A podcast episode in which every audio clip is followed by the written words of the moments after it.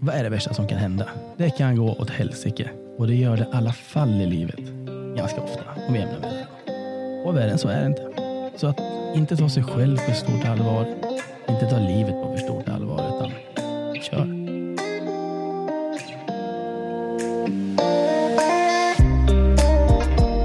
Sådär, hej och varmt välkomna tillbaka till ännu ett avsnitt av Se nu podcast och varmt välkommen Tom.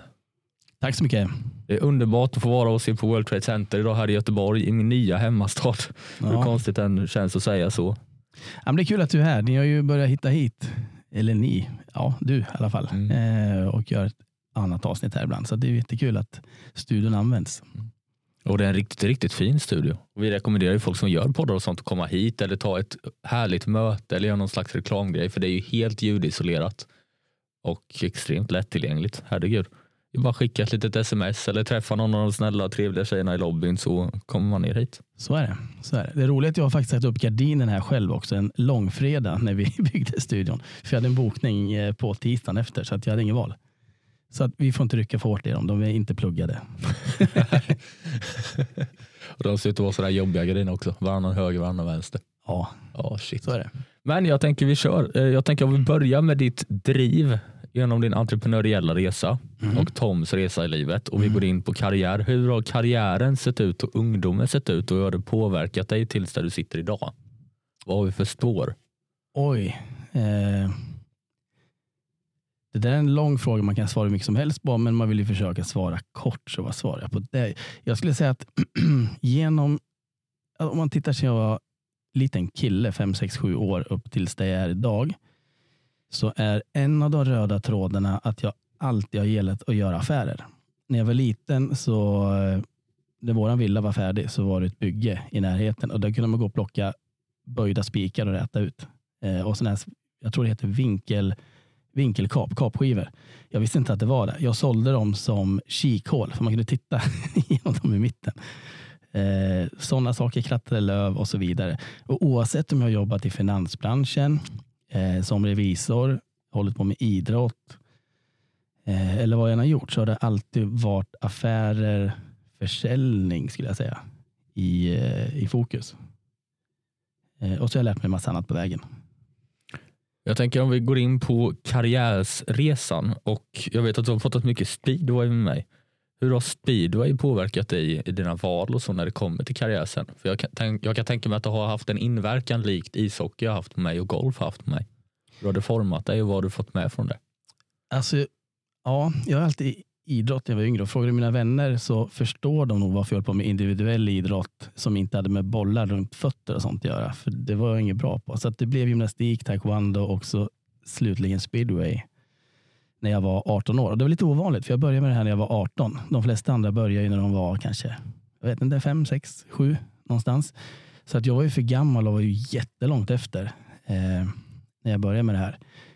Men det jag lärde mig som jag eh, har haft med mig i karriären, om jag säger så, eh, är väl att för kommer man in där när man är, som jag var 18 år, eh, ingen egen företag, familj med massa pengar och så. Vi hade helt okej, okay, men inte så som många andra i den eh, businessen har. Då. Inga sponsorer och ingen kunskap egentligen. Så fick jag lära mig allting från början och fråga runt och, och så gott jag kunde. Eh, och jag tänkte att jag gav mig själv en treårsplan där jag skulle kunna i alla fall köra elitserien och kunna börja dra in pengar på det här. Eh, och Det var ju ganska högt satt mål med tanke på att när jag började var jag ju sist och sämst. Det kunde inte köra. Eh, år två var det väl typ att jag ska inte komma sist i alla hit jag kör.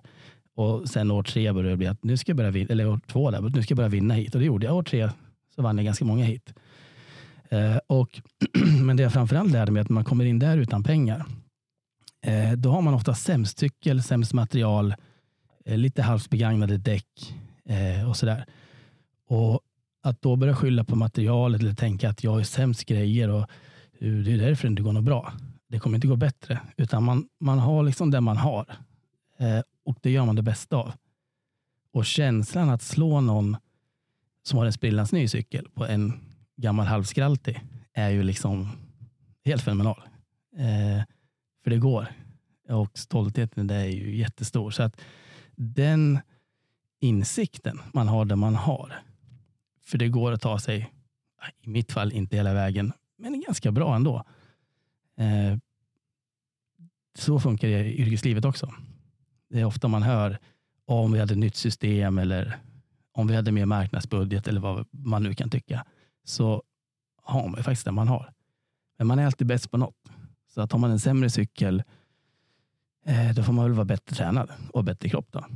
Ja, det låter så intressant för att om du tittar på många materiella sporter som Formel 1, om du tittar på go-kart och sånt och just speedway, det är ju enorma materialsporter. Och jag kommer ihåg att jag har hört när min brorsa och de var i Italien att det, det kom liksom folk i helikopter och så kom det en buss med två uppsättningar med två heltidsmekaniker från Storbritannien och stod min farsa där med Biltema-verktyg. Det är, men jag, jag tycker ju att den vinsten du får, även om du kommer trea, fyra, femma, tvåa, jag ser att den är bättre än första. För att om du kan göra magi av skräp, jo men då blir det ju också att vinsten blir en helt annan känsla. Om ja. du kommer dit med det bästa materialet, den bästa kunskapen om hur du sätter ihop olika komponenter. Men om du inte vinner eller kommer absolut först, då är allt annat en gigantisk förlust. Ja, ja men det är väl. Och också komma till ett läge där man börjar från scratch. Man har ingenting och vet ingenting. Och så får man ta reda på det.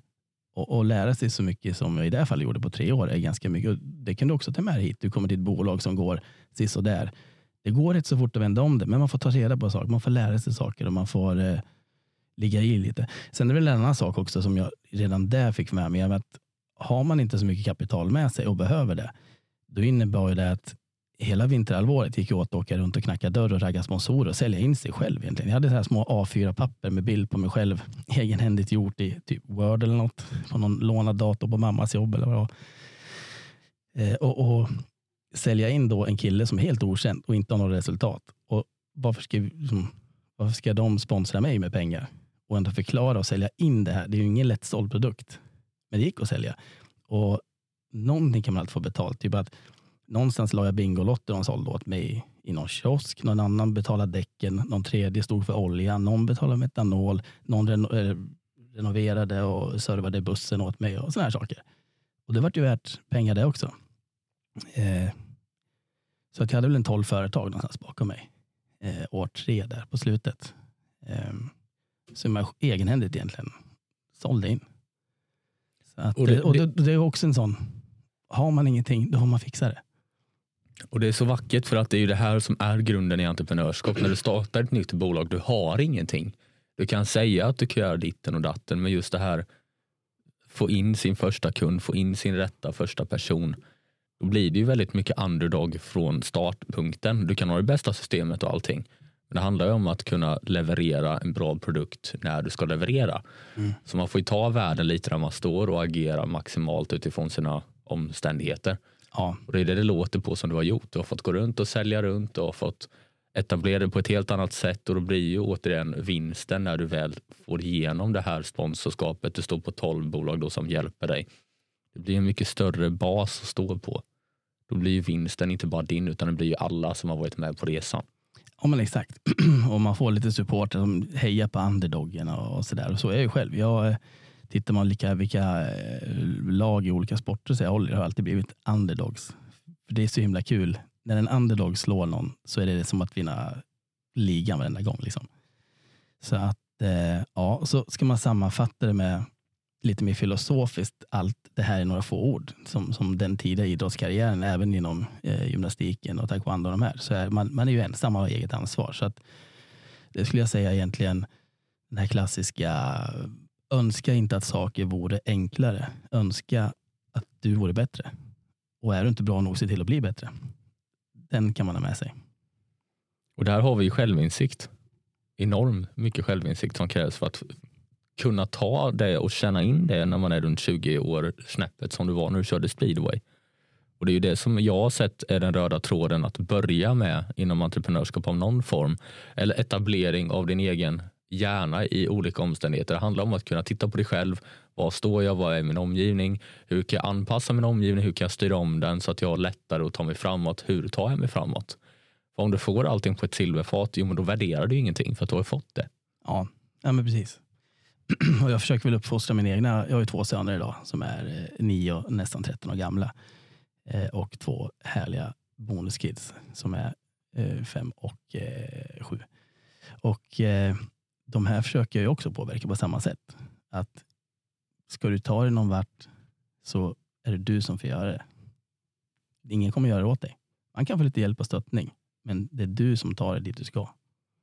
Och det tror jag är, för det har väl, jag känner att det har blivit, tittar man på sig själv så var man ju rätt så kölad jämfört med generationen innan och det här blir väl bara mer och mer. Och jag tycker som förälder så är man är ingen snäll förälder om man lär barnen att man kan gnälla sig till mera lördagsgodis eller gnälla sig till någonting man vill ha. För då, då kanske man tror att man i framtiden går till skolan och gnälla sig till bättre betyg eller gnälla sig till en högre lön på ett jobb. Men det funkar ju inte så. Utan man får studera hårt, lära sig sakerna, då får man bättre betyg. Och leverera värde till en arbetsgivare, ja då får du ju bättre lön. Det är klart att det är så. Och det gäller att lära sig tidigt i livet. Mm. Hur, hela det här paketet med självinsikt, baserat tänkande, värdet i en handling och värdet i förberedelsen innan agerandet. Hur har det påverkat din karriären när vi kommer till jobbsidan? När vi pratar Nordic Wellness-resan, när vi pratar revisorresan och World Trade Center. Just det, nu har vi inte dragit mitt CV här riktigt, men eh, jag har ju då efter, för det var ju så att jag kraschade eh, olyckligt eh, tyckte jag då eh, i speedway-karriären och pengarna var slut. Eh, jag hade inte kommit så långt som jag ville. Jag var inte elitserien om jag var hyfsat nära. Och eh, det var dags att göra något annat. Jag hade följt en dröm, men det gick inte. Då fick jag tänka om. Då fick jag tänka så här, nu har jag provat en dröm, nu får jag göra, tänka med hjärnan istället för hjärtat. Och, eh, eh det misslyckandet gjorde att jag liksom vände om livet. I mitt fall knallade jag till komvux. Eh, för jag hade hängt i speedwaygaraget och sponsorer och på speedwaybanor hela gymnasietiden. Så jag fick läsa om hela eh, gymnasiet på ett och ett halvt år eh, på komvux. Eh, och när jag hade gjort det med ganska mycket studiemotiverade personer som ville komma in på läkarlinjer och såna här saker, då var ju universitetet sen hur lätt som helst. Det var inte alls samma konkurrens eh, att ta sig igenom där. Eh, vilket var en, en aha-upplevelse faktiskt. Eh, så eh, efter det så hamnade jag då som, eh, eh, jag har varit revisor som sagt för PWC. Jag har varit eh, lite olika banker, lite olika roller och en av de kunderna jag hade eh, när jag var på Swedbank var Nordic Wellness. Eh, som på den tiden var eh, siffermässigt ett, ett, just där och då väldigt skraltiga. Nästan inget eget kapital, en halv miljard i omsättning, ganska stor förlust eh, året innan jag började. Men man kunde också se att det där var en oslipad diamant som hade någonting riktigt, riktigt bra. Eh, och med en ägare som jag faktiskt senast igår pratade i telefon med, eh, Magnus, som var den jag hade kontakt med då. Eh, och vi började prata om det här bolaget, hur, hur, hur det funkade och vad det var som gjorde att han inte tjänade pengar. För det växte ju rätt så bra. Eh, och eh, efter något års diskussioner han och jag emellan vad man kunde och inte kunde och borde göra. Dels sa jag att det här är så konstigt, sa han. Alla bankmän har alltid sagt åt mig hur man ska göra för att driva bolag och de har aldrig drivit eget. Eh, och nu är det samma sak, så här, men av någon jäkla anledning så känner jag att jag behöver anställa dig för att det låter ändå sunt. han sa. Och jag tackade nej första gången. Eh, men så pratade vi någon vecka senare och eh, det har jag aldrig ångrat. Eh, så att eh, för att beskriva hur jag hamnade på Nordic Wellness så var det så det gick till i alla fall. Eh, och hur min då ungdom var frågan vad egentligen har påverkat mig genom, om man tar från Nordic Wellness-tiden och framåt. eh, dels är jag i alla roller jag haft innan där också, att i, i säljet hur jag har jobbat och de affärer jag har tagit, så jag har gått egna vägar. Eh, jag tog affärer för Swedbank på lite andra sätt. Jag hade med mig Exportkreditnämnden, hjälpte konkurrerande banker med att få till affärer genom Exportkreditnämnden och den kunden som jag ville ha. Och när det där var klart sen så visste kunden att det var mig affären kom ifrån. Och då bytte de. Så istället för att ta över en halvskraltig kund med halvdassiga betyg, svårt att förena med kreditnämnd hos en bank, så väntade jag bara ett år, hjälpte dem vid sidan av, affären var klar och när det var en bättre ratad kund, lättare att få igenom i kreditnämnden i min bank, högre betyg, ja, då tog jag över den. Och då såg det ut som att jag tog över en toppkund från en annan bank som tjänar massa pengar. Och hur kan de här vilja byta, tänkte de. För då såg det ut så. Eh, men då känner man ju inte till historien åren innan. Liksom. Eh, så då. Och det där hade jag med mig in på Nord Wellness också, för där, där var vi tillbaka egentligen i samma läge som när jag stod där vid speedway-ovalen första dagen och skulle börja prova att köra. Att jag hade aldrig varit ekonomichef innan, som jag skulle vara här på Nordic Wellness. Och eh, gymbranschen, vad visste jag om den? Jag hade varit på ett gym. Jag har ingen aning hur det funkar. Jag hade aldrig varit chef förut, aldrig gått en ledarskapskurs, aldrig läst en bok om sådana saker. Eh, och det var då tror jag 15 personer på avdelningen som jag skulle vara chef över. Och de flesta var äldre än mig. Eh, och nyttan jag hade då, det var nog egentligen samma sak. Så fort som möjligt lära sig vad är det viktigaste, vad, vad funkar, eh, hur, hur pratar de hem varandra, hur ser gruppen ut, vad behöver jag veta, vad behöver jag kunna, hur funkar bolaget? Eh, elementärt grävande liksom egentligen. Eh, och inte vara för att försöka, utan bara vända på de stenar jag kunde vända på. Och eh, det gick ganska fort. Det var ju ett års städande bland avtal och grejer som jag upplevde leverantörer hade nästan lurat eh, Magnus som ägde bolaget på då med, med väldigt höga räntor och lite fula villkor och sådär. Det är klart, det var ju lätt att komma från finansvärlden och förhandla finansiella avtal och sådana saker som jag började med att göra. Eh, och jag tror vi eh, då, i ett bolag som omsätter en halv miljard, hittade kostnader, om det var första eller andra året, med bara på leasing på 25-30 miljoner som vi kunde spara in på att förhandla om de avtalen. Eh, för att nämna ett exempel. Och så där var det. Vi hittade massor med kostnader vi kunde göra om. Eh, så att det var väl det jag hade med mig eh, så sett. Och sen lär man sig saker också eh, längs, eh, längs vägen. Det känns också, som, rätta mig om jag har fel, men såg du dig själv i Nordic Wellness, lite din egna resa, det här med att vara lite underdog, inte riktigt ur deras perspektiv ha koll på alla beståndsdelar som kan hålla koll på alla variabler som flyter runt på grund av okunskap? Var det att du kände lite, ja, men jag kan se lite en Tom Rydell-resa i Nordic Wellness, det är en oslipad diamant, de har det här men de, de har inte fått det här gratis, precis som du säger med bankvärlden och så här också. Din karriär har ju påverkat hur du var inom bankvärlden. Och att mm. komma därifrån och inte vara curlad eller ha silversked i munnen om man säger så under uppväxten. Då blir det en helt annan typ av service. Ja, det är möjligt. det är möjligt. Och också så här, om man inte kan så mycket och inte har så mycket förutfattade meningar, då tar man reda på saker och så tror jag man gör de grejer man längs vägen hittar som bär eh, frukt fortast. Eh, och Sen gäller det ju också klart i det här fallet, för det här var ingen one man show, utan det var ett kanongäng. Jag hade runt på ekonomiavdelningen. Eh, det var en ägare som, eh, förutom att rapportera någon veckovis vad jag gjorde, gav mig väldigt fria tyglar. Och när jag frågade första dagen, så här, vad, vad vill du att jag gör nu? Vad ska jag titta på? Var börja? Då tittade han på mig och sa han så här, ja, sa Magnus, det vet väl inte jag, sa han. Det är du som är bankkillen. Det är du som kan de här grejerna. Det vet väl du hur vi ska göra. Gör det vi behöver göra så vi får mer pengar i kassan och så vi kan växa. Det är vad du ska göra. Och hur du gör det, ja, det kan du bättre än mig. Kör nu, så stämmer vi av hur mycket pengarna växer. Ungefär så började det och det var så det var. Vilken underbar resa. Ja, ja men verkligen. Och jag var väl där i ungefär fyra år. Och att ha gått från, vad kan det ha varit, 111 klubbar tror jag det var när jag började ett bolag som inte fick låna pengar av, av banker, som gjorde förlust, som hade i princip förbrukat nästintill aktiekapital, eh, till att omsätta en, en miljard, alltså dubblad omsättning, att ha, vad kan det ha varit då, 250 klubbar kanske. Eh, och dessutom ha växt till det dubbla med vinst. Jag tror det var 50-60 miljoner i vinst ett av de där åren. Och justerar man då för alla nya öppningar så var det betydligt bättre än så egentligen.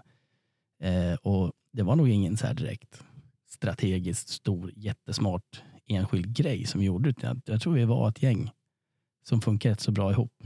Där vi eh, alla gjorde några små bra saker varje dag. Och Då blir det mycket resultat tillsammans faktiskt. Det låter väldigt mycket som att ditt narrative är inte jag med dem framåt utan alla vi tillsammans gör allt vi kan för att utvecklas framåt. Ja, men det, det stämmer. Det stämmer. Det tror jag också med den här idrottskarriären eh, i ryggen. Och, och det är vi och de här tolv bolagen som hjälper till. Ja, alltså precis. För jag tycker ibland kan det vara lite så här, jag tar hand om dig så tar du hand om mig. Och då tänker man att alla, lite där har vi varit i Sverige mot att eh, länge, liksom att, att den här lite falska tryggheten nästan tror jag. Mot många andra delar av världen där man mer kanske har jag tar hand om mig för din skull, så tar du hand om dig för min skull. Eh, så har man, sätter man lite mer egenansvar i det. Fortfarande lika mycket omtanke, man gör det för den andres bästa, men med sitt egna ansvar i fokus istället. Lite så, om du jag menar. Mm. Hur, hur tog vi oss från Nordic till World Trade Center?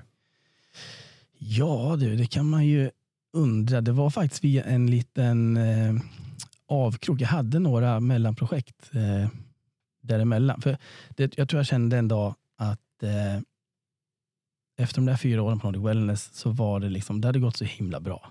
Eh, eh, Eh, nästa steg var väl liksom, nu har vi gjort de här eh, vilda västern och rock'n'roll-grejerna, eh, städat upp, fått ordning, lönsamheten är på plats, det viktigaste gjort. De här 300 klubbarna som det är idag hade redan då rapporter där man kunde mäta till exempel ja, hur många ören tjänar vi för varje person som går ut och in på ett gym. Får du upp det med några ören och du har 300 000 personer som går ut och in flera gånger i veckan. Det blir många miljoner. Alla de här sakerna var liksom, folk visste vad de skulle göra. Det var bra drag, det var bra affärer. Det var liksom klart. Så att både, jag tror det var dags för mer, ett riktigt bolag. En riktig mer kontroller, ekonomichef som var mer ordning, reda, rapporter. Nästa steg liksom. Inte lika entreprenöriellt kanske på ekonomisidan i alla fall. Entreprenöriellt är det fortfarande, men det är ju ägaren Magnus som han heter som, som driver den biten och det gör han fortfarande. Då ville jag nog gå någon annanstans där jag kunde få utlopp eh, för den här underdog-byggar-grejen. Och det gjorde jag på dels på factoringgruppen var jag en kort stund och försökte bygga upp eh, en grej de kallar för Ativo då. Och eh, även under det året så hoppade jag på Collectia, ett inkassobolag som eh, skulle växa i Sverige. Och eh, de är fortfarande med lite grann. Eh, inte mycket, men lite, lite sådär. Har kontakt med dem och eh, är lite rådgivare ibland inom eh, eh mot gymbranschen framförallt. Eh, och eh, där var jag väl något år och eh, så ringde telefonen en dag från, eh, eh från World Center. För jag hade sprungit på dem något år tidigare och de undrade om jag var intresserad av att bli vd. Så det var egentligen så det var. Och eh, något år tidigare hade jag kikat på den tjänsten och vi hade pratat och diskuterat. Eh, jag fick inte jobbet den gången. Eh, för jag sökte det då. då samtidigt som jag hoppade av Nordic Wellness. Eh, och eh, men eh, jag tror båda parter kände att det kanske borde varit att det var jag som fick det. Jag vet inte. Eh, andra vd som var här då också hade fått ny utmaning och hoppade av. Så det, var, det bara blev så att eh, de hörde av sig och frågade om jag var spelbar. Och jag och ägaren Eva, som hon heter, träffades, diskuterade, pratade och eh, eh, innan vi ens hade gjort personlighetstest och sådana saker, hon jobbar med sånt själv nämligen, så hade hon nästan redan sagt att du är nog en sån här. Och det var jag typ, när vi hade gjort testet. Eh, vi har av ett fält på, på 16 eh, olika profiler man kan hamna i, så är hon och jag i samma. Så att det vart väl ganska naturligt att vi hade samsyn, hade samma lösningar på de problem som fanns och kände väl att vi skulle vilja ta det här bolaget åt ett visst håll. Eh, väldigt så här, det var, tycke uppstod, i alla fall från min sida. Nu är inte hon här och kan svara på det direkt. Liksom. Eh, och det var också återigen, det var mitt i en pandemi, det var låg beläggningsgrad, det var lite eh, halvrasslig känsla i personalen. Ekonom, eh, siffrorna och ekonomin, kassan, det var inte så himla bra. Och, eh, så det var återigen den här slå ur underläget som jag älskar att ta. Eh, så det var väl så det var. Så att eh, efter eh, några dejter där med Eva och lite tester och lite prat, lite diskussion så, eh, så, eh, så körde vi. Vad var utmaningarna du hittade på World Trade Center? Det är en helt annan typ av tjänst, men det är fortfarande det här säljbaserade nyfikenheten, underdog-delen i det som säkert motiverar dig att få in dig på den banan så får du hungrig.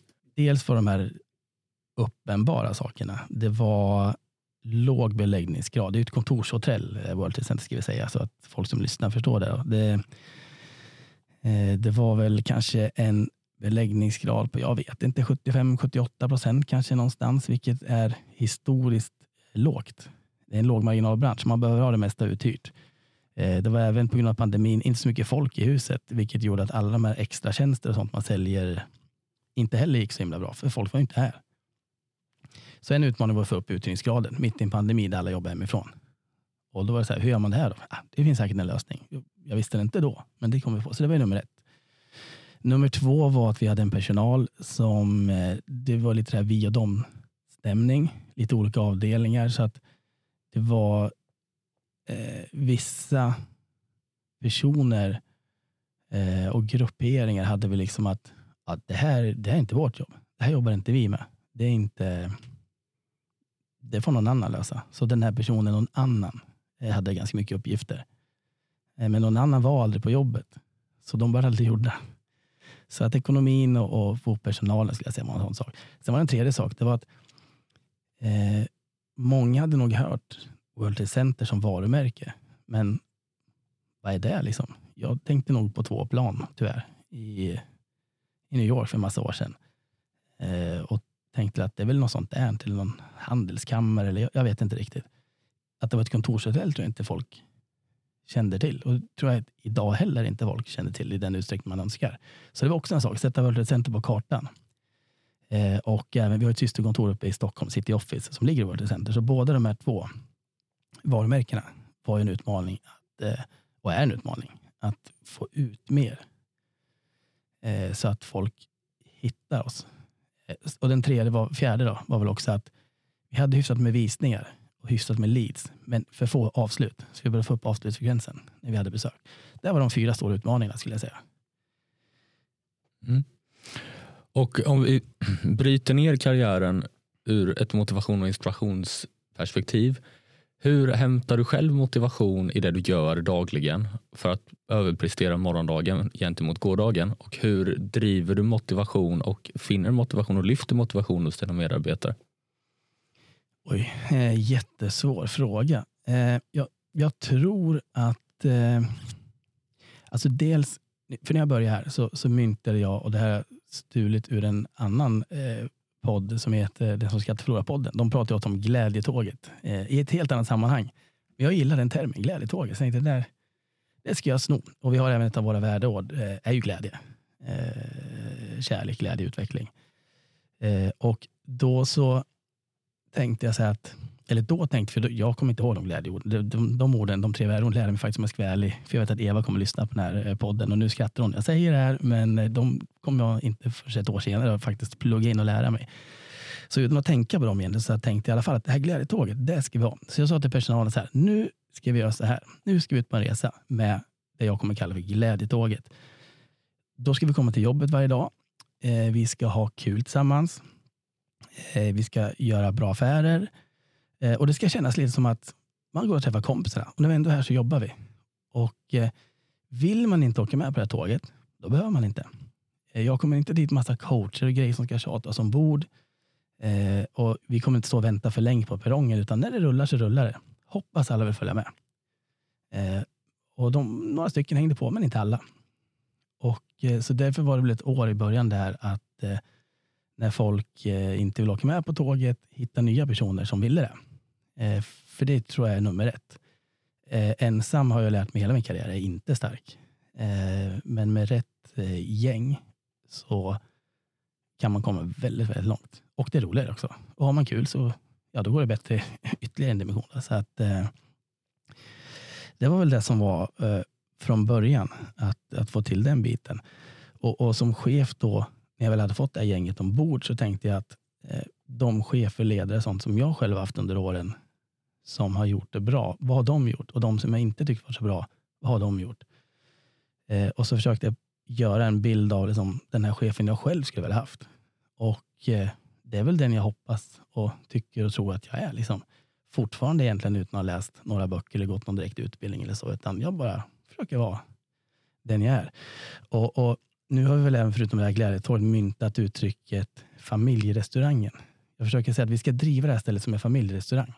Jaha, säger de, men, men vi, vi säljer ju inte mat, eller det gör vi. Vi har en liten kiosk och lite catering och så. Men, men vad menar jag med det? Jo, det menar jag att dels på en familjerestaurang eh, så är det en familj som är där.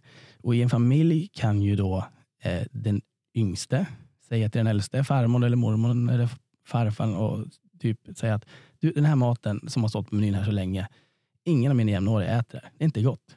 Jag, jag, jag tycker inte om det. Och man vågar säga det till den som varit där längst. För man är ju släkt och det är ju barnbarn och man är ärlig. Och det måste man våga säga. Samma som i ett bolag. Och den som lyssnar då tar in informationen och så diskuterar man så får vi se. Det kanske försvinner från menyn.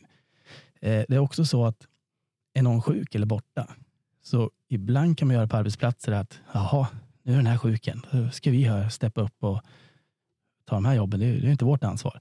Medan som en familjerestaurang tänker man väl att oj, mamma är sjuk. Stackars mamma. Hoppas mamma blir frisk. Det är ju synd om henne. Och det minsta jag kan göra, det är klart att jag tar hennes uppgift när hon är borta. Det, är ju, som inte är, det måste göras. Och ingen är för fin på något heller. Även om det är, vad vet jag, morfar som har varit där längst och han har, vad vet jag, vet exakt hur man steker en oxfilé eller vad han är kypare eller vad han är nu bäst på. Så är det så att är det mycket att göra så är han inte för fin för att springa iväg och köpa lite mer mjöl eller ställa sig i disken eller vad som nu behövs. För det är familjen, man hjälper upp.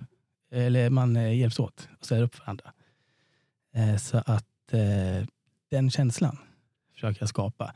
Och jag tror också man har mer lojala kunder på sådana restauranger än på många andra. För att det blir liksom, man lär känna sina kunder. Åh, hallå, är ni här idag igen? Och vad roligt. Och det blir liksom, du skapar en, man går dit för anten bara för maten. Du går dit för en känsla för att folk verkligen genuint bryr sig. Och den känslan tror jag vi får till här nu. Efter två år. Så eliminera alla former av tyranni i form av hierarkier. Ja. Vilket är nyttigt för alla bolag. Ja. För deras långsiktiga överlevnad. Ja. Eh, och sen motivatorn då, ja, men identifiera det här berget ska vi bestiga, det behöver vi bestiga.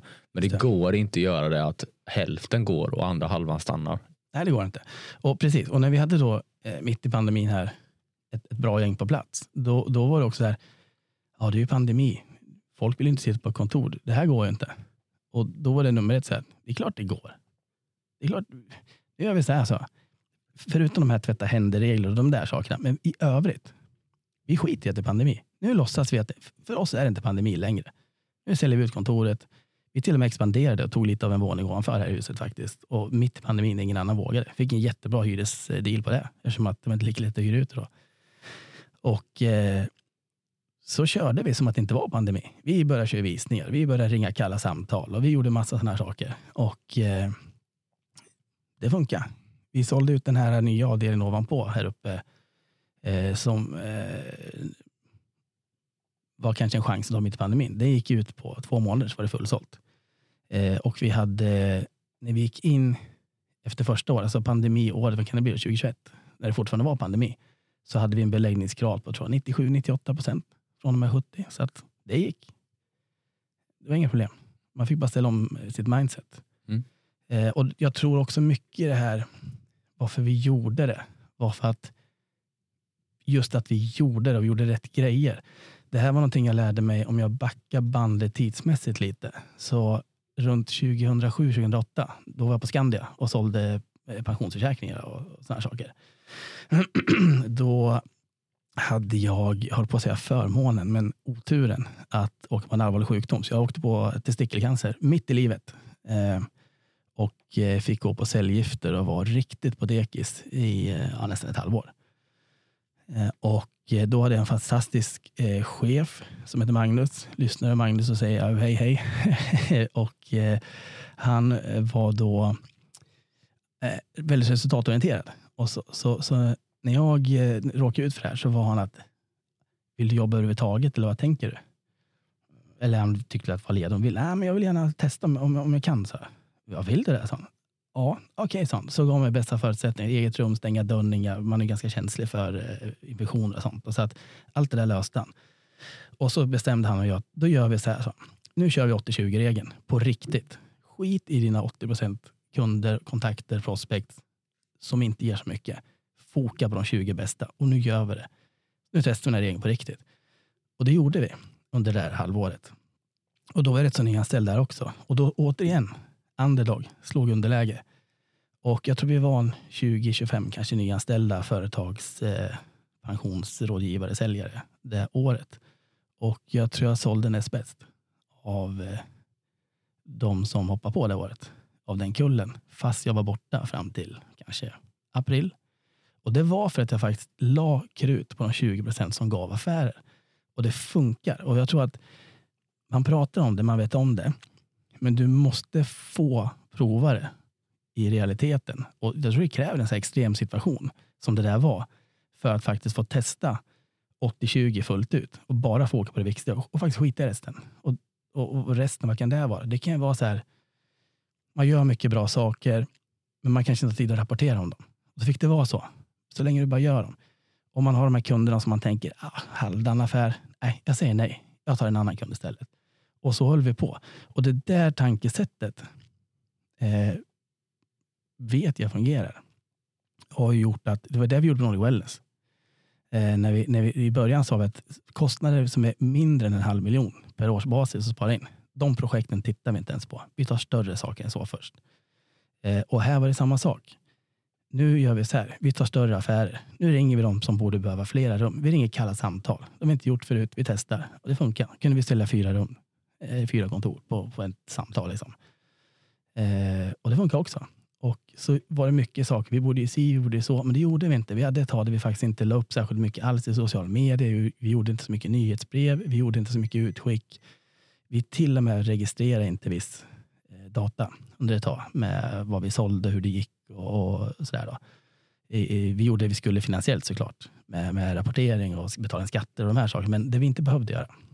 Och jag tror det gjorde att vi kunde fokusera på att bara sälja, bara ta affärer. Eh, och vi körde liksom 80-20. Nu gör vi inte riktigt lika mycket så idag, men det ligger ändå kvar som en liten reminder att när det behövs, då gör vi så. Ja, jag tror det är jäkligt nyttigt också för ens team att sätta det som basregel i en lite jobbigare situation. För då blir det också att ja, men av det, då, då minimerar vi, vi fältet framåt ännu mer så det blir ännu mer fokuserat. Då har du också en större ström. För om du säger 20-80 principen eller 80-20 principen, då blir det också att jo, men om ni är 10 pers och alla har gått på 100 procent och du får de här 10 personerna att gå på de 20 procenten. Oj, vad mycket kraft det blir då helt plötsligt. Exakt. Och då blir det också det här du pratar om att jo men då är det också att om vi har 20 procent av 100 personer, vi har 20 kunder, då är vi 10 pers på 20 kunder. Ja, och vi jobbar med rätt saker. Oh ja. Vi jobbar med rätt saker hela tiden. Och sen är det väl en sak, vi pratar om vad som motiverar mig och oss här också. Det, det är väl så här, och det knyter väl också även till det här, du har det du har. Eh, jag tänker på den gamla skraltiga speedwaycykeln. Det var vad vi hade och då gjorde vi det bästa av den. I den här branschen vi är idag, vi är ju privatägda och eh, har inga massa miljoner i ryggen, investerarkapital och sådant. Vi, vi har det vi har. Så vi kommer aldrig ha råd att ha det mest snyggaste, välrenoverade, flashigaste kontorshotellet med dyrast designmöbler. De här bitarna. Vi kommer inte ha råd att bjuda på frukost varje dag.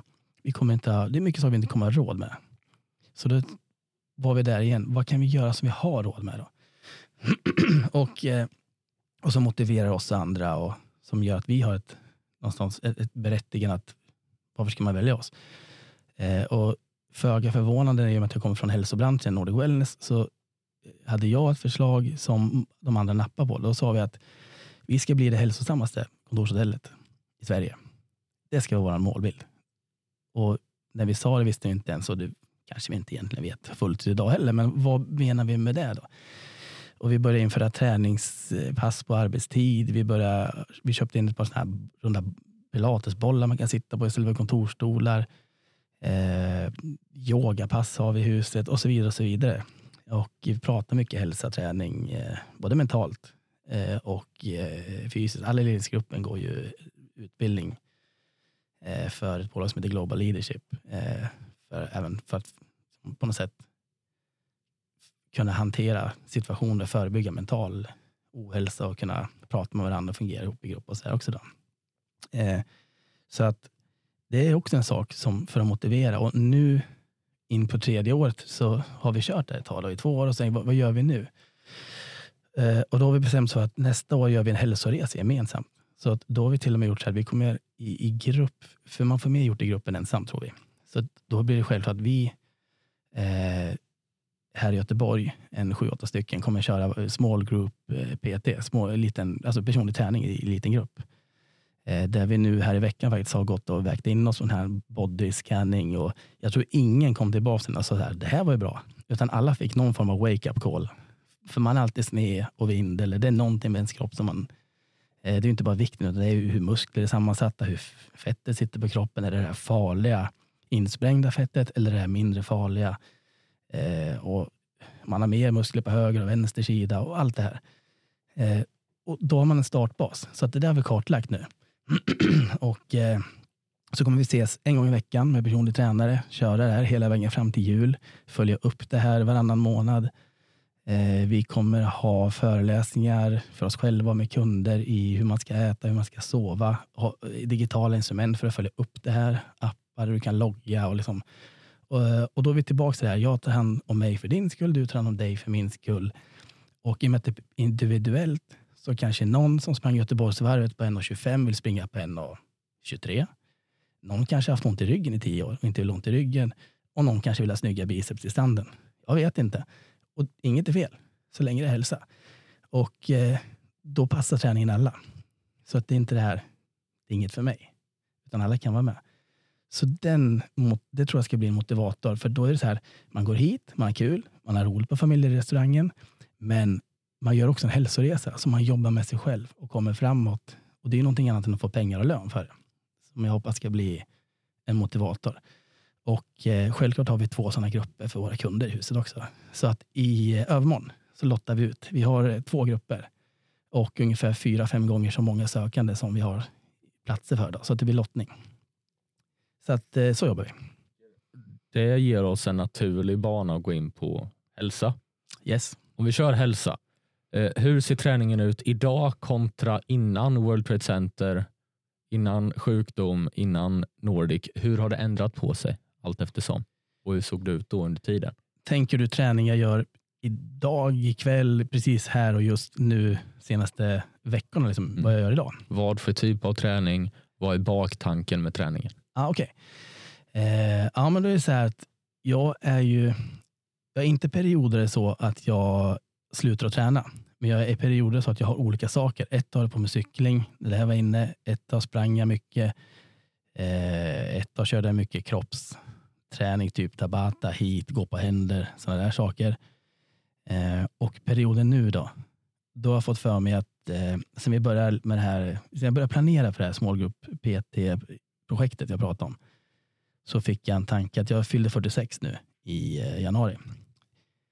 Så tänkte jag så här, om jag gör exakt som man ska, eller inte exakt, för jag kommer fuska och dricka vin några helger, och så här, men om jag gör nästan exakt som man ska, frågar en kunnig eh, eh, personlig tränare som kan det och gör som man säger från och med ungefär november tror jag börjar, fram till midsommar. Undrar vad som händer. Så det är jag inne nu. Och då har jag lagt upp Typ, eh, så jag har sex träningsdagar i veckan och en vilodag. Vilodag innebär typ promenader och annat sånt. Men det innebär inte de här passen som är nedskrivna. Eh, och så har jag en app som heter Nutrition Data.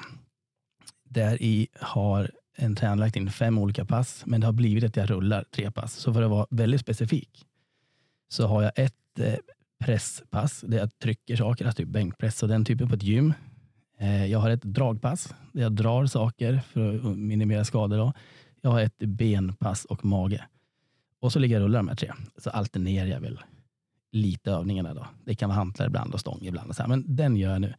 Och så har jag fått i uppdrag att vila mellan 1,20 och 30 mellan pass. Det finns tydligen något som heter hypertrophy som man uppnår då. Så att då provar vi att göra det. Eh, jag lägger även in maten jag äter så jag vet min kroppsvikt gånger 2 gånger 2,2 i protein i gram varje dag. Eh, ska man väl tydligen göra här. Och eh, ja, ungefär så då. Och så ska jag göra så här fram till eh, fram till midsommar. Så att, och så tränar jag ibland morgnar, ibland kvällar. Den här tiden på året är det väldigt fullt om man går direkt efter jobbet på gymmet. Så det får bli väldigt sent eller väldigt tidigt. Då. Eh, så det är ungefär det jag gör just nu. då är ganska enformigt, men jag har inte gjort det på länge. Så jag tycker det ska bli kul att se eh, vad som händer med kroppen. Och jag känner mig redan efter två månader mycket starkare. Och framförallt axlar och sådana saker man känner på kontoret. Man bär kassar från affären och, och allt det här. Eh, känns ju bra. Så vi får se. Det är vad jag gör just precis nu. Sen när våren kommer och solen tittar fram så har jag den här meditativa sidan där jag väldigt gärna springer utan klocka, utan musik, bara i skogen, fågelkvitter, regn eller sol spelar ingen roll och bara, bara njuter av att kunna springa. Mm. Det var fint att du lyfte in den meditativa delen också. För alla jag har suttit ner och pratat med, eh, både i avsnitt och utanför avsnitt, har hittat länken lite som jag kan se mig själv också. Jag är väldigt, väldigt opererad. Jag har gått igenom en massa hälsorelaterade problem när jag växte upp och så. Och jag, jag vet ju hur det känns att vara på botten av en resa och klättra upp och sen falla ner och sen klättra upp. Hur, hur hanterade du det i form av träning och meditation till det du gick igenom? Du tänker på när jag var sjuk där eh, 2008? Ja, precis. Eh, ja, då var det så här att just innan det så hade jag haft en ganska, eh, min period då var löpning. Eh, jag höll mycket på med typ Lidingöloppet och Göteborgsvarvet och sådana saker. och eh, då var det så att när det här uppdagades, den sjukdomen, så i början så sa läkaren att det kan hända att du klarar dig utan cellgifter. Men vi vet inte. Och då tänkte jag att nu får jag börja köra igång här och, och insåg att ett starkt hjärta är väl det bästa man kan ha. Eh, om det nu behövs cellgifter. Så då började jag ladda för istället för ett Göteborgsvarv eller ett Lidingölopp på rekord så började jag ladda för cellgiftsbehandling ja, på rekord eller personligt, vad man nu ska kalla det. Eh, så att när det sen tre, fyra, fem månader senare blev fastställt och klart att det här hade spritt sig och satt i lymfkörtlar och grejer och lite här och var i kroppen eh, och det skulle bli cellgifter. Så var jag väl i den formen. Jag, är man göteborgare så vet man Skatåsmilen vad det är för någonting. Men om man tänker sig en sån backig skogs, eh, lite halvtuff backig eh, terräng, eh, löpspårsmil.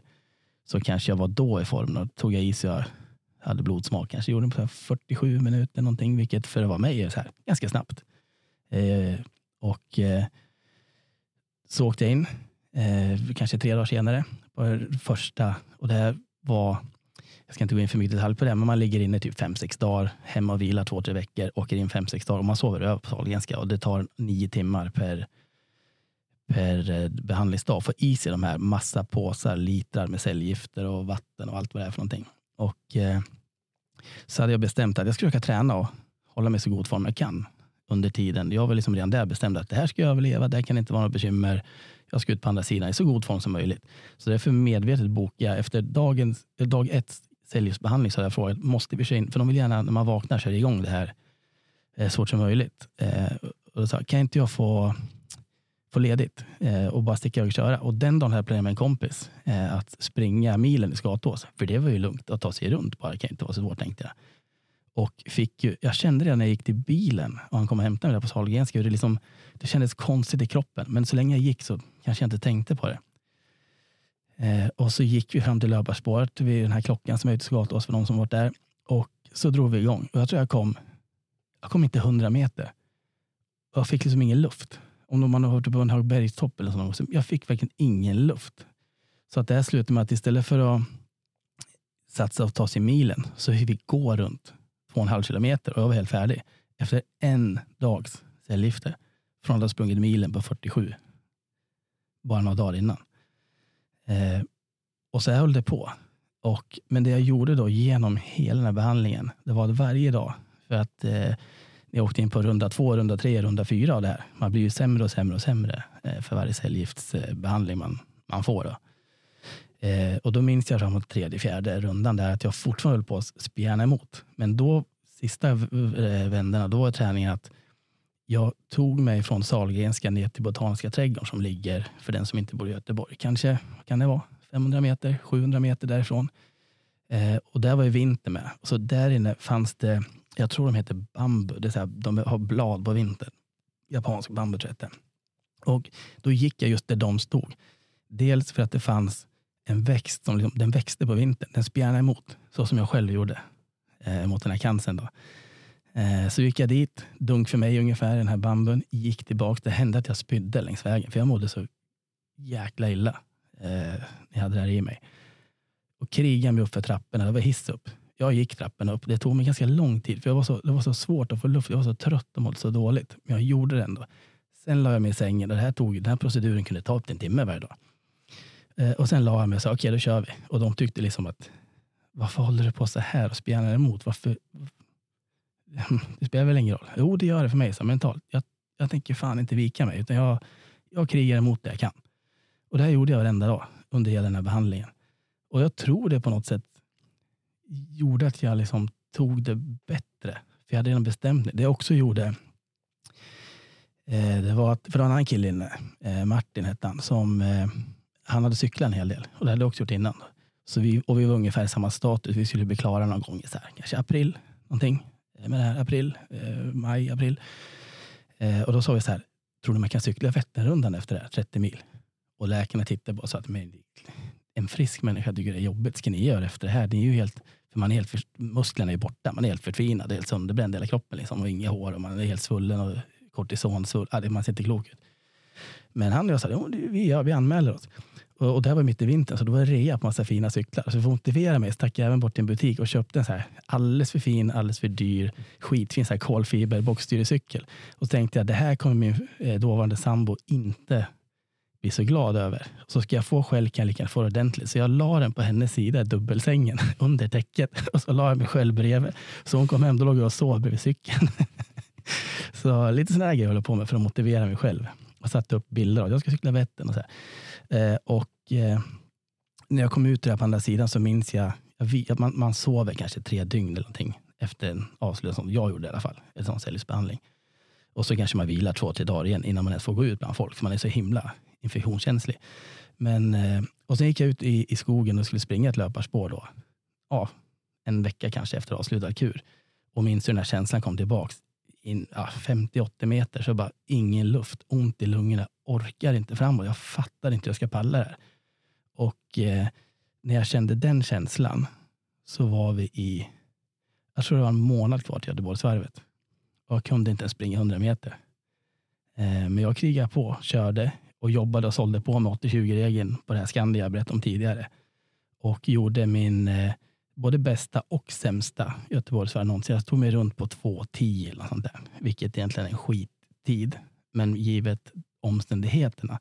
Och hade jag tagit i så hårt som jag upplever subjektivt jag gjorde det året, då tror jag att jag hade putsat mina andra varv med säkert 5-8 minuter. Men då hade jag inte motivationen. Och självklart cyklade vi Vätternrundan lite senare också. Då hade jag faktiskt två kompisar med mig som skulle hjälpa mig runt. Eh, den ena bröt efter 26 mil. Eh, jag kom i mål på 13 timmar och den andra kom i mål på 17 timmar. Så, så det, och, men så mental styrka. Så på ett sätt kan man säga att eh, cancer är ett laddat ord och det, man önskar ingen att ha det. Men, men kommer man ur det på andra sidan så gör det, i alla fall med mig, har det gett mig en mental styrka som jag aldrig hade haft annars. Ja, har man varit så jäkla dålig så att man ligger i en sjukhussäng fullpumpad med gifter, tittar på en toalett tre meter bort och ligger faktiskt och funderar på om det är värt att typ göra i brallan. För man mår för dåligt och det är för jobbigt att gå de där tre meterna. Man orkar liksom inte. Har man varit där, då har man liksom, då är det inga problem att cykla sista tre milen på en Vätternrunda med kramp i högerbenet och bara trampa runt med vänster. Det är lugnt. det är ju ingenting. Och också så gör det ju att träning för mig efter den här sjukdomen.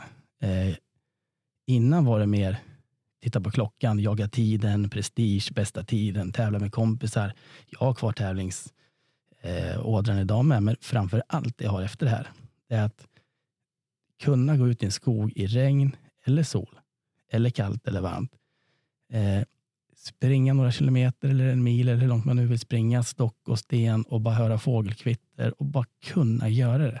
Det är sån jäkla lyx att ha en kropp man faktiskt kan springa med och som man kan lyfta något tungt med och som man kan använda till massa häftiga saker. Och Den insikten vet jag att jag inte hade haft om det inte hade varit sjukdomen. Och den glädjen, till och med när jag står och drar en skittråkig hantel på gymmet så har jag den med mig och tycker att det här är faktiskt häftigt jag kan lyfta en vikt där och gör det några gånger, ge mig en vecka eller två, då kan jag lyfta ännu tyngre. Och det är jättehäftigt. Och det är det som är så fint för man ska inte önska olycka på andra människor.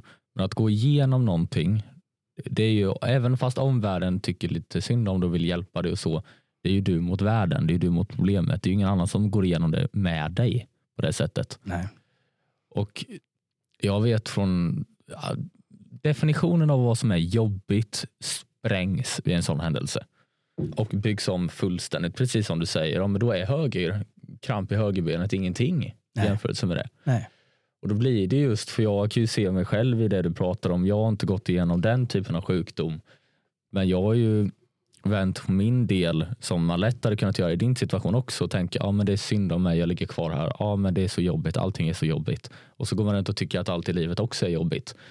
Skit i det. Mm. Tänk att det här är bottenplan, nu går det bara att gå uppåt. Exakt så. Och Exakt så. För jag kommer ihåg det att jag körde 75 hard ett tag under gymnasietiden och då satt jag på gymmet varje dag vid fyra, körde spinning en timme. Mm. Och då blir det så här och sitter man där efter en halvtimme och bara, jag kan gå hem nu. Alltså det, jag, jag har ju kört en halvtimme. Nej, en halvtimme är inte jobbigt. Det här är inte jobbigt. Ligga på sjukhus med massa slangar och grejer, det är jobbigt. Ja. Det är per definition, per ny definition jobbigt. Och jag kommer fortfarande ihåg när jag jobbade inom restaurangbransch, slutade vid 02.03 efter en, ett bröllop på nio timmar. Och då svängde jag förbi hemma, plockade upp en väska, åkte till gymmet och tränade efter det. Det finns ju ingen bortförklaring för det är ju bara att jag vänt på dygnet. Ja. Eh, åkte till gymmet och så såg jag min nuvarande bolagspartner, vilket var riktigt, riktigt kul och helt overkligt. Då stod han där och jobbade med två klienter och spelade in lite video då eftersom att gymmet var tomt. Ja. Då kom jag in, ställde mig vid trappmaskinen. Hade ingen ambition eller tanke om hur länge jag skulle köra. Och då kom hans klienter fram och frågade om hur länge kör du? Då hade min eh, nuvarande bolagspartner förklarat för dem vem jag var. Mm. För vi jobbade tillsammans med podden då. Jag bara, jag, jag, jag, kommer- jag ska försöka maxa maskinen. Och alla som har gått på trappmaskin vet hur jobbig trappmaskin är. Nej, jag är helt slut efter fem minuter kan jag Ja, säga. och den går upp till 99.99, sen nollas den. Då tänkte jag bara, det är ju värt att testa och se hur långt man kommer. För i värsta fall så bryter man ihop, men då är det bara att sätta sig med vattenflaskan i 20 minuter och sen duscha och byta om. Hur lång tid tog det att maxa maskinen? Ja, men jag, jag körde 99.99. Jag körde hela vägen ut. Och sen var det ju så här, precis som när du är ute och springer eller man är ute och cyklar och folk som har tränat långdistans på det sättet. Man kommer in i runners high. Mm. Du kommer in i ett momentum där du glömmer bort att allting är jobbigt och ser bara ljuset. Du känner din andning på ett annat sätt. Mm. Den kickade ju inte in förrän 45 minuter på den där jobbiga maskinen. Men när den väl kom då kände man så här, jo men det är, all, allting sitter i huvudet. Mm. Av att någon annan säger att det här är per deras definition jobbigt betyder inte att det är det mot dig. Nej. Och det är ju bara att krossa det. Och sen ska man inte göra något osunt, självklart inte, för kroppen säger ju till. Ja.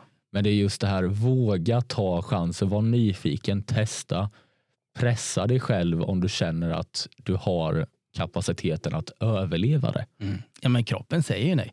Du, du kan ju pusha dig tills du får kramp i vaden när du springer. Eller någonting. Och ungefär där någonstans är det väl nått en gräns tänker jag. Eh, Så att det är ju inte farligt att då och då testa gränser. Sen är det inte för alla och det är ju inget rätt eller fel i det. Men, men jag håller med dig. En annan aspekt av den hälsan är ju inte bara den fysiska utan den här mentala, att vi pratar glädjen och springa och så. Men det behöver inte vara just när man tränar heller, utan jag kan ibland känna, eh, för när man påminner sig om det där, vilket är synd att man, och ibland glömmer jag bort det tyvärr, då får jag nästan komma ihåg hur illa det var. Men det kan vara att jag går till jobbet här en morgon och känner bara, jag är frisk, jag mår bra, ah, vad härligt. Och så kanske vi tappar sju affärer igår eller någonting. Och tänker så här, ja ja, men det är ju ingen cancersjukdom, det löser ju sig, det här ordnar ju sig. Det är bara från hur lång tid det tar. Inga bekymmer. Och så förhoppningsvis smittar man av sig med den här glädjen eh, på alla andra. Och det gör det ju. Det är bevisat med mycket forskning som helst. Glädje smittar. Och det är därför jag sitter med dig här på World Trade Center. För det är ju en underliggande glädje. Du har den motivationen och drivet du har genom det du har gått igenom. Och det speglar ju sig i varenda affär, i varenda handling, i varenda samtal, även om man tänker på det eller inte. För man kommer från en helt annan bubbla. Ja, Jag vet det gänget som vi var tillsammans, eh, som jag drog med mig, som kom upp och tränade på morgonen. Och då är du färdig med det som man, vissa kanske ser som det jobbigaste under en vardag eller arbetsdag. Då har du gjort hela det blocket innan folk ens har vaknat. mm. Och då, då tänker man inte som många tror att ja, men då tänker du att du är lite bättre. Nej, jag tänker att ja, men då har jag redan gjort jobbet idag. Jag har bäddat min säng, jag har duschat, jag har käkat frukost, jag har gjort allting som har med skola att göra eller allting som har med förberedelse för jobb att göra. Och när jag går upp och gymdörrarna öppnas, ja, men då är det perfekt soluppgång, bara möjligheter, bara gasa. Mm. Det är det jag som är så underbart. Jag Men med. jag tänker vi hoppar på meditation lite kort och lite snabbt. Yes. För jag vet, som du sa till mig innan, du är ingen person som sitter på en kudde. som många säkert tror att meditation är. Men det är ju inte meditation. Meditation är ju en form av sinnesro och sinnesarbete. för att öppna upp en ny sida i sitt egna block i huvudet. Mm. Hur gör du det? Ja, dels är det den här som jag pratade om, löpningen i skogen och de här eh, bitarna så som på något sätt ändå är meditation. Sen eh, i och med att jag är så pass nyfiken jag, som jag är på mycket i livet så har jag ju snubblat över saker och tagit tag i lite blandat eh, genom åren. Då. Så att en sak som jag tror eh, är, skulle jag säga lite meditativt, det är ibland när jag kommer hem, eh, eller på morgonen, men ofta när jag kommer hem, så har jag både elbaser och gitarrer och sånt hänger hemma på väggarna. Och eh, då har jag suttit kanske i Excel och massa rapporter och siffror och sälj och processer och grejer en hel dag. Eh, och då kan jag sätta på, ofta sätter jag faktiskt på någon gammal liveskiva med något rockband. Och så lyfter jag fram eh, basen och står och spelar till live Guitar Hero analogt ungefär och leker att jag är med ett band, glömmer bort tid och rum. Hipp som happ, då är man liksom på sista låten Rothschild på eh, Live of the Death Maiden Maiden och spelar igenom hela albumet och det har gått en och en halv timme och jag har inte ens tänkt på det. Och då inser jag att oj, jag har lite skavsår i ena fingrarna. Oj, vad länge jag stått och spelat.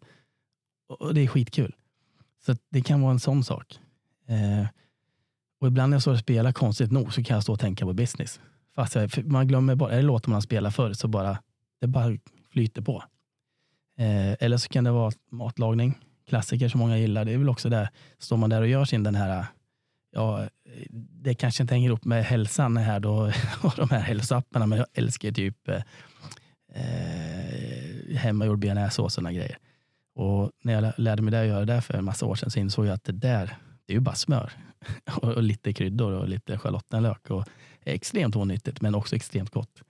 Eh, och när man ska få till den där och köra så är det ju timing som gäller och då är man också med en annan hjärnhalva inne i liksom för det är väl lite konstnärskap, att laga mat eller spela musik, vilket är estetiskt tycker jag bara två. Så att sådana saker skulle jag säga är eh, sånt som jag använder som meditation. Eller så faktiskt kan det hända, jag kommer hem en fredag, en stressig dag, så kan det hända att jag tar en kopp kaffe eller kanske en kall pilsner, går ner hemma, sätter mig på bryggan, bara tittar ut, ser någon mört slå någonstans där i, i vattnet, eh, hör något fågelkvitter, röstar till i en buske och bara så här, bara sitter själv. Och det är så himla skönt. Och då brukar jag lägga telefonen uppe vid huset så att jag inte då känner jag lite så här att jag känner att jag lurar världen för de vet inte vart jag är. Jag är bara det jag är och ingen kan få tag i mig. Inga ungar och inga kollegor eh, och ingen styrelse och ingen för en liten kort stund. Och det känns väldigt, väldigt bra. Så att, eh, ja, där någonstans skulle jag säga.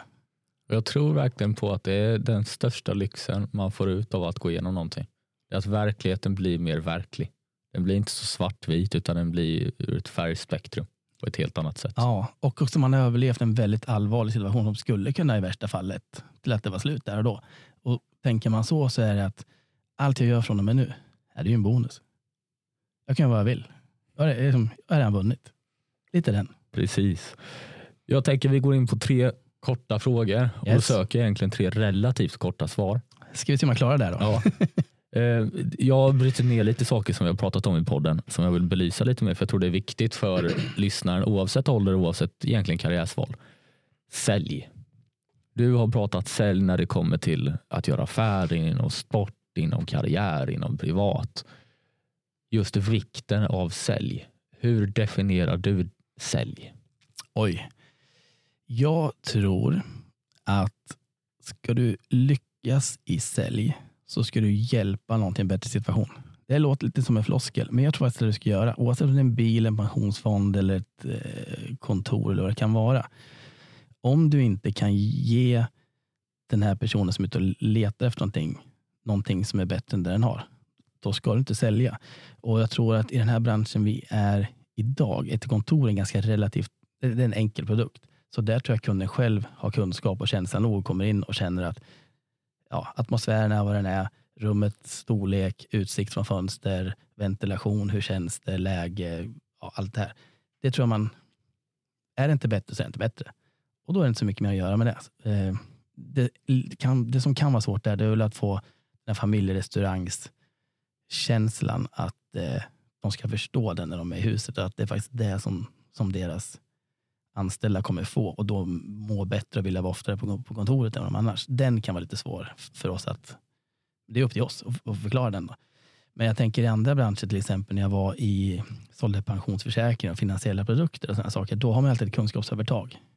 Och där kan man nog, eh, givet att man får en bra provision, sälja grejer som kanske inte alltid behövs. Och Det tror jag funkar på kort sikt, men det kommer kunderna märka när pengarna inte växer som de skulle några år senare och då tappar den affären. Så att långsiktighet i den branschen så är det nog samma sak. Mm. Det var ett långt svar ändå, men jag försökte svara kort. jo, men det ligger mycket i det du säger. För att jag ser ju, som har jobbat extremt mycket i restaurangbransch i min unga ålder, det, kunden som inser vad det faktiskt är de har köpt. Det är också därför jag väldigt strikt har valt vart jag vill jobba. För när du är ung och har jobbat på olika positioner inom restaurangbranschen och har ett bra CV, det låser upp en helt annan typ av möjligheter. Men då är det ju också om du står på en herrgård och de köper en entrecote för 350 spänn. Men mitt jobb inom service, precis som inom sälj och precis som för sälj är ju service, för du ger dem en produkt eller en tjänst. Mm. Det handlar om att visa exakt varenda millimeter av vad det är de köper. Och det, jag är känt av sen sekunden jag klev ner i World Trade Center och träffade dig det, det, är ju, det är därför jag sitter här med dig nu. Det är ju för att jag ser ju att ni säljer inte kontorsplatser. Ni säljer en omgivning som är varm och glädjefylld. Precis som du berättar när du skapar motivation och inspirerar och fördelar och lyfter motivation och motivatorer för dina medarbetare och dig själv mot ett högre berg tillsammans. Då blir ju också grundkänslan för kunden en helt annan. Och sen är det ju lite som allt annat. Väljer du, in, väljer att se det så ser du det. Väljer du att inte se det så ser du det inte. Men just det här att du köper inte en biff. Du köper en omgivning. Du köper kulturen runt omkring dig som rör på sig. Du köper personer som går runt och ler som får dig att le och får dig att må bra. Det är precis som naturen när du sitter och pratar om din brygga. Mm. Ja, men du är inte där för att du sitter på en träbit. Du är där för allting omgivningen ger dig. Ja, men exakt. exakt. Och det är så den perfekta typen av sälj ska vara. Du ska verkligen känna dig omhändertagen och att du har fått allting den här platsen kan erbjuda i dess bästa skick för dig. Mm. Ja, men det tror jag är du kan ju det här bättre än mig hör när du pratar om men det, det stämmer väldigt bra det, det du säger. Att man kan, eh, särskilt efter pandemin när folk gärna sitter hemma och jobbar. Det kom någon i morse på svenskt, oh, vart kan det ha varit det i? jag vet inte, någon, någon sån nyhetsbrev man får på morgonen. Så eh, stod det väl att det vanligaste var att tre dagar i veckan ville man vara på kontoret och hur det nu var. Men summerar man där så ungefär hälften vill inte så ofta vara på kontoret. Och då tror jag att det gäller att vi hjälper ägare, ledare, chefer att skapa den här sköna, härliga feelingen här så att man vill åka hit för att det är roligt. För att träffa kollegor, men även för andra i huset. Och det händer saker, det är träningar, det är events, det är yoga. Eh, men ännu mer för stämning att, eh, ja men hallå Lasse, hur är läget när han kommer in här och så vidare. Det är som att man vill gå dit. Ungefär som man hänger med kompisar. Det är roligt att kolla på en hockeymatch ihop med en kompis än att sitta hemma själv. Och den känslan, eh, tror jag, eh, jätteviktig grej eh, i den här branschen. Och även Eh, för eh, de mindre bolagen. Som, som, det vet du som driver eget, det är rätt så mycket man ska hålla koll på och hinna med. Så att har du då ett gäng anställda med som tycker att ska vi inte ha en AV nästa vecka? Så sitter du och tänker jo det ska vi ha och sen kommer du på där med alla saker du har på din to-do-list att ah, ja, ja, ska man dra och köpa grejer och systemet och chips och var ska vi vara? Och quiz vill de säkert ha med, ska hinna med att göra en sån. Och, så. och är man här så är det redan klart. Sätt dem här borta, och dessutom när de är på den AWn så nätverkar de ju med folk och det vill man också som ledare att de ska göra. Eh, så blir det roligt för alla. Så att det där är redan klart. Allt är färdigt. Eh, och det gäller att, så att det är fler dimensioner man kan hjälpa till med. Och det är ganska svårt då på en visning att förmedla allt det ja, ja, så att jag tror det, men det tror jag också att gör vi det här bra, riktigt bra, så kommer de som sitter i huset, och det gör de redan, tipsa andra affärsbekanta. Och, då är det, och idag är det ju fullt i huset. Och det tror jag att det, det är därför. Mm. Om vi kör nästa, de absolut största grejerna du har att säga om att våga och testa. Våga vara nyfiken. Är det, eh, ett kort svar, är det egentligen inte så här då att eh, Vad är det värsta som kan hända? Det kan gå åt helsike och det gör det i alla fall i livet ganska ofta om jämna mellanrum. Och värre än så är det inte. Så att, jag menar, kör. Lyft luren, ring ett kallt samtal. Sa någon nej? Ja, ja. Eh, kör en affärsidé. Vart det fel? Då vart det fel. Då tar man en ny affärsidé. Det är inte värre än så. Det är, jag skulle säga att man ska avdramatisera eh, den här risken att något inte går som man har tänkt. Så länge det inte gäller livet eller så. Det är ju dumt att försöka slå rekord i djupdykning och så kommer man på 200 meter ner i havet att oj, jag kan inte hålla andan längre. Ja, då är det kört. Men sådana här andra saker som att vi testar en ny produkt. Eh, vi provar en ny roll och anställer en person på det här som det funkar. Ja, det värsta som händer är att det inte funkar. Det är inte mer än så. Så att eh, inte ta sig själv på stort allvar. Inte ta livet på för stort allvar utan kör. Kör. Ja, vad kan hända? Och gör det också. Kör medan det är hett. Vänta inte för länge. Gör inte för mycket analyser. Gör inte för mycket rapporter. Räkna inte för länge. Jag har sett massa säljare genom åren som har skitbra prospektlistor. Perfekta listor. Bästa vdarna. Kontakt direkt. Direktnummer till dem. Direkt mail till dem. Jag vet precis vad de ska säga. Läs på. Men de tar inte kontakten. Och då är den där listan värdelös. Då är det bättre att bara jag vet inte, lyft luren, kontakta någon på LinkedIn, gör vad som helst. Knacka dörr. Gör det. Gör det bara.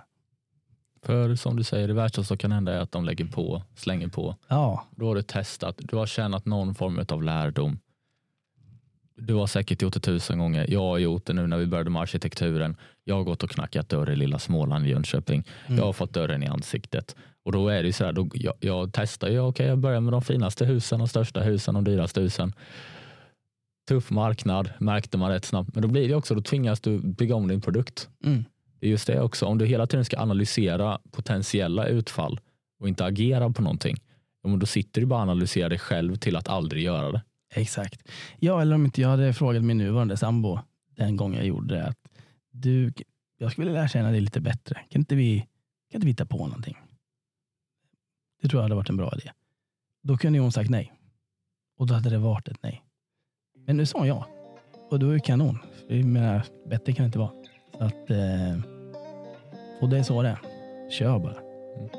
Och jag tänker om du tittar in i den kameran och ser du ett tips, en lärdom till de som lyssnar. Oj, eh, det är svårt. Det finns så mycket kloka saker så man vill säga någonting som någon annan klok har sagt eh, i så fall. Eh, och då skulle jag säga det Eh, som Jim Rohn eh, en gång i tiden sa att eh, vi är inte offer för omständigheterna.